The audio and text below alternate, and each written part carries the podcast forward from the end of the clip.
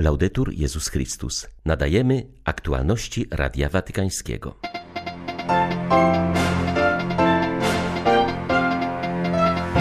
Biskup Damian Bryl został nowym ordynariuszem diecezji kaliskiej.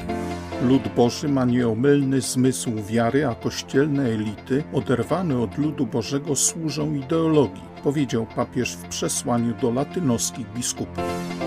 Chrześcijanie w Iraku rozpoczęli trzydniowy post Niniwy o ustanie pandemii i przyjazd papieża Franciszka. 25 stycznia witają Państwa ksiądz Krzysztof Ołdakowski i Krzysztof Bronk. Zapraszamy na serwis informacyjny.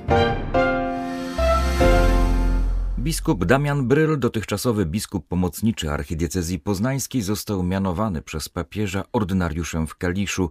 Zastąpi biskupa Edwarda Janiaka, którego rezygnację Ojciec Święty przyjął 17 października ubiegłego roku.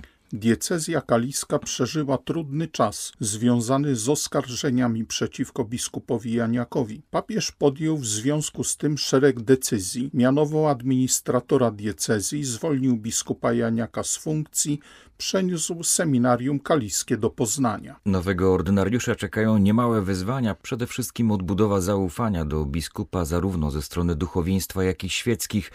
W rozmowie z Radiem Watykańskim biskup Bryl stawia na wspólną modlitwę i rozważanie Słowa Bożego. Jak sam mówi, będziemy razem pracować i zobaczymy, jak Pan Bóg nas poprowadzi.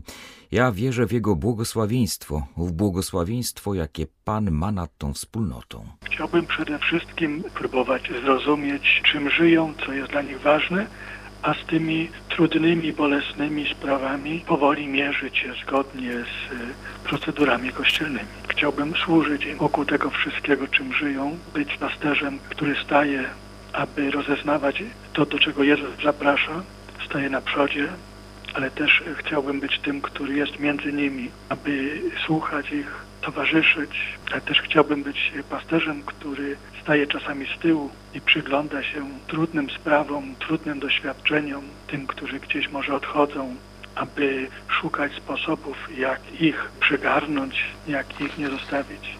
Kilka miesięcy temu seminarium kaliskie zostało przeniesione do Poznania. Seminarzyści z bólem przyjęli tę decyzję. Na pytanie, jak można teraz pomóc kaliskim alumnom, biskup Bryl odpowiada: Myślę, że przede wszystkim trzeba im towarzyszyć w tym trudnym czasie, pokazywać im cele, te najważniejsze, pokazywać Jezusa, za którym idą. Jest to na pewno dla nich trudny czas, ale wierzymy też w Bożą łaskę i opatrzność nad nami. Biskup Damian Bryl urodził się w 1969 roku w Jarocinie. Święcenia kapłańskie przyjął w 1994 roku. Studia specjalistyczne odbył na Uniwersytecie Nawary w hiszpańskiej Pampelunie, ukończone w 1999 roku doktoratem z teologii. Po powrocie do Polski został spowiednikiem, a następnie ojcem duchownym w seminarium w Poznaniu. W 2013 roku papież mianował go biskupem pomocniczym archidiecezji poznańskiej. Papież skierował przesłanie do uczestników Zgromadzenia Kościelnego Ameryki Łacińskiej i Karaibów. Wczoraj w Guadalupe miała miejsce wirtualna inauguracja przygotowań do tego spotkania, które odbędzie się w listopadzie. Jego temat brzmi Wszyscy jesteśmy posłanymi uczniami, misjonarzami. W przesłaniu Ojciec Święty zauważył, że po raz pierwszy spotkanie będzie miało charakter zgromadzenia kościelnego, a nie konferencji biskupów latynoamerykańskich, jak miało to miejsce w poprzednich latach. Będzie to zebranie całego ludu Bożego, który jest w drodze. Chciałbym wskazać dwa kryteria, aby towarzyszyły Wam w tym czasie, który otwiera nowe horyzonty nadziei.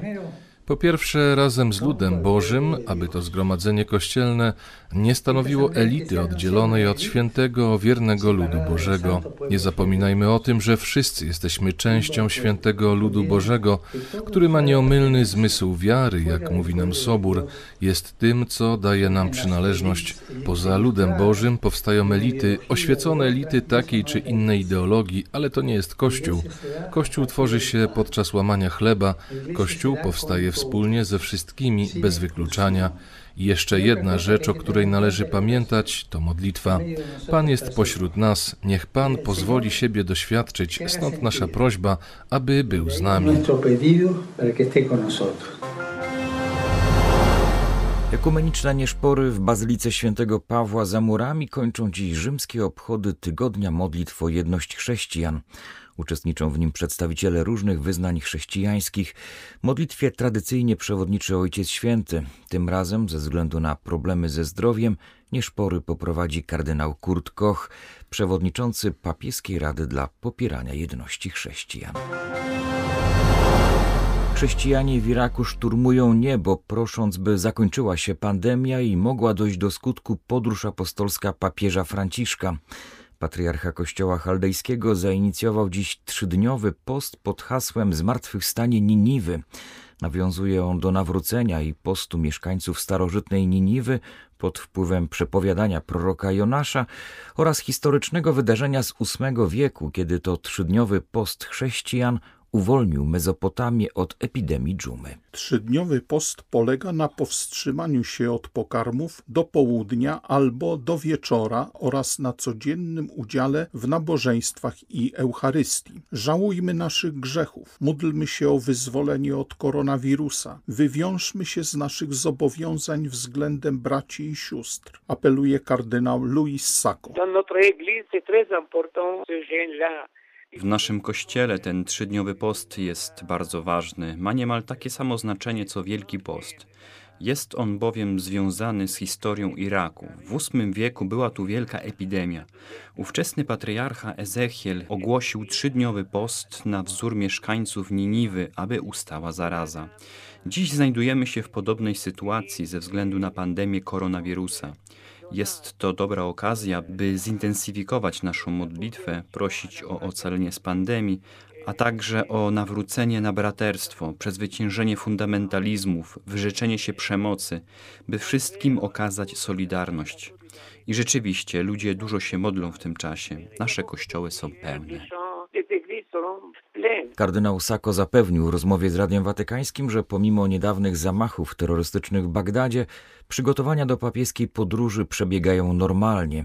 Franciszek ma gościć w Iraku od 5 do 8 marca.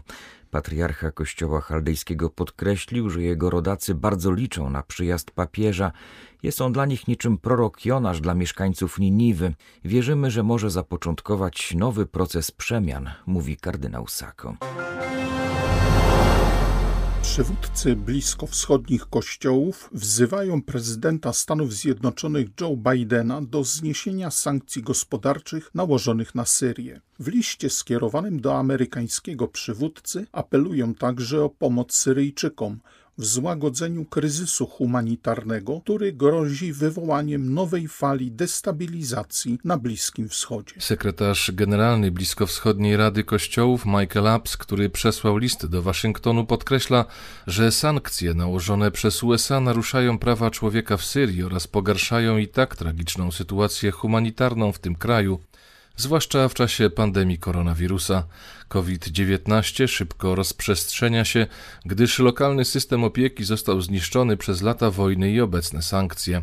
Z tym stanowiskiem zgadza się cytowana w liście bliskowschodnich przywódców kościelnych Helena Doan, sprawozdawczyni ONZ do spraw negatywnego wpływu jednostronnych środków przymusu, która również zwróciła się do USA o zniesienie sankcji i zaznaczyła, że w obecnym kryzysie sanitarnym czymś niehumanitarnym jest blokowanie handlu i inwestycji niezbędnych do funkcjonowania syryjskiego systemu opieki zdrowotnej.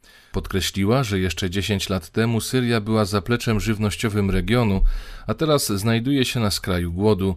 Już w czerwcu Światowy Program Żywnościowy ostrzegał, że połowa Syryjczyków kładzie się spać głodna, a kraj znajduje się na granicy upadku. W Turcji 5 tysięcy kościołów i 650 chrześcijańskich klasztorów wymaga pilnego ratunku.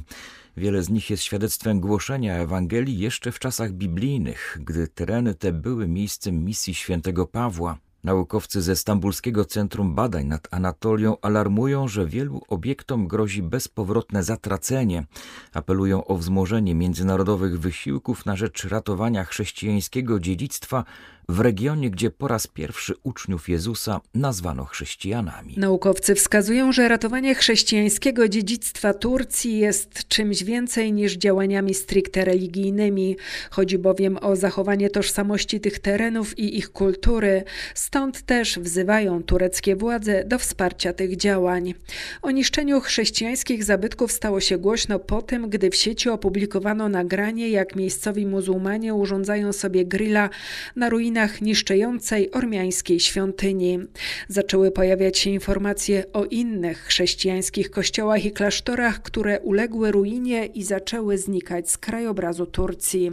Materiał z wielu z nich został wykorzystany przez mieszkańców do wznoszenia domów, a nawet lokalnych meczetów. Wiele obiektów stało się magazynami, stajniami, sklepami czy składami tytoniu. Dyrektor Dominikańskiego Centrum Dialogu Międzyreligijnego w Stambule wyznaje, że trwają prace mające na celu sporządzenie rejestru niszczącego dziedzictwa chrześcijańskiego. Wskazuje, że współczesnych wspólnot nie stać na rewitalizację tych budynków, stąd konieczność pomocy ze strony państwa, której chęci w Turcji niestety nie widać. COVID-19 nie zaszkodził najbogatszym. Jak wynika z opublikowanych dziś danych, największe fortuny na świecie nie ucierpiały na skutek pandemicznego kryzysu, a często jeszcze bardziej się umocniły. Dziś rozpoczyna się Światowe Forum Ekonomiczne w Davos. Ze względu na pandemię nie odbywa się tym razem w Szwajcarii, lecz w internecie. Z tej okazji Oxfam opublikowało doroczny raport na temat ekonomicznych nierówności. Wynika z niego m.in., że fortuny tysiąca najbogatszych ludzi na świecie powróciły już do stanu sprzed pandemii. Wystarczyło im na to 9 miesięcy, podczas gdy ludzie najubożsi będą potrzebować co najmniej 10 lat, aby uporać się z konsekwencjami kryzysu, czytamy w raporcie. Zdaniem Oxfam dla wielu miliarderów pandemia była czasem prosperity. Wyliczono bowiem, że majątek najbogatszych wzrósł od 18 marca do końca ubiegłego roku o prawie 4 tysiące miliardów dolarów. W związku z tym Oxfam ponownie wystąpiło z apelem o bardziej sprawiedliwe obciążenie podatkowe najbogatszych. Może temu służyć podatek majątkowy, opodatkowanie transakcji finansowych, a także skuteczniejsza walka z oszustwami fiskalnymi. Niecodzienna inicjatywa pomocy bezdomnym zrodziła się we francuskim mieście Nantes. 15 przedsiębiorców oddaje wieczorem klucze do swych biur ludziom, którzy dotychczas żyli na ulicy. W tym celu założyli stowarzyszenie Biura Sercem i współpracują z innymi organizacjami niosącymi pomoc potrzebującym. To bardzo ludzka przygoda, której koncepcja jest dość prosta, mówi pomysłodawca biur z sercem. Wszystko zaczęło się od tego, że zauważył, iż jego puste przecież nocą biura są cały czas ogrzewane, mają kuchnię i zaplecze sanitarne, czyli to wszystko, czego brakuje bezdomnym. Tak skrzyknął znajomych i po wstawieniu tapczanów pierwsi potrzebujący zaczęli korzystać z tego niezwykłego noclegu. Wieczorem dostają klucze do pomieszczeń, rano muszą opuścić, mogą z nich też korzystać w weekendy. Nie muszą nawet po sobie sprzątać, bo wzięli to na siebie pracownicy, którzy spontanicznie włączyli się w inicjatywę.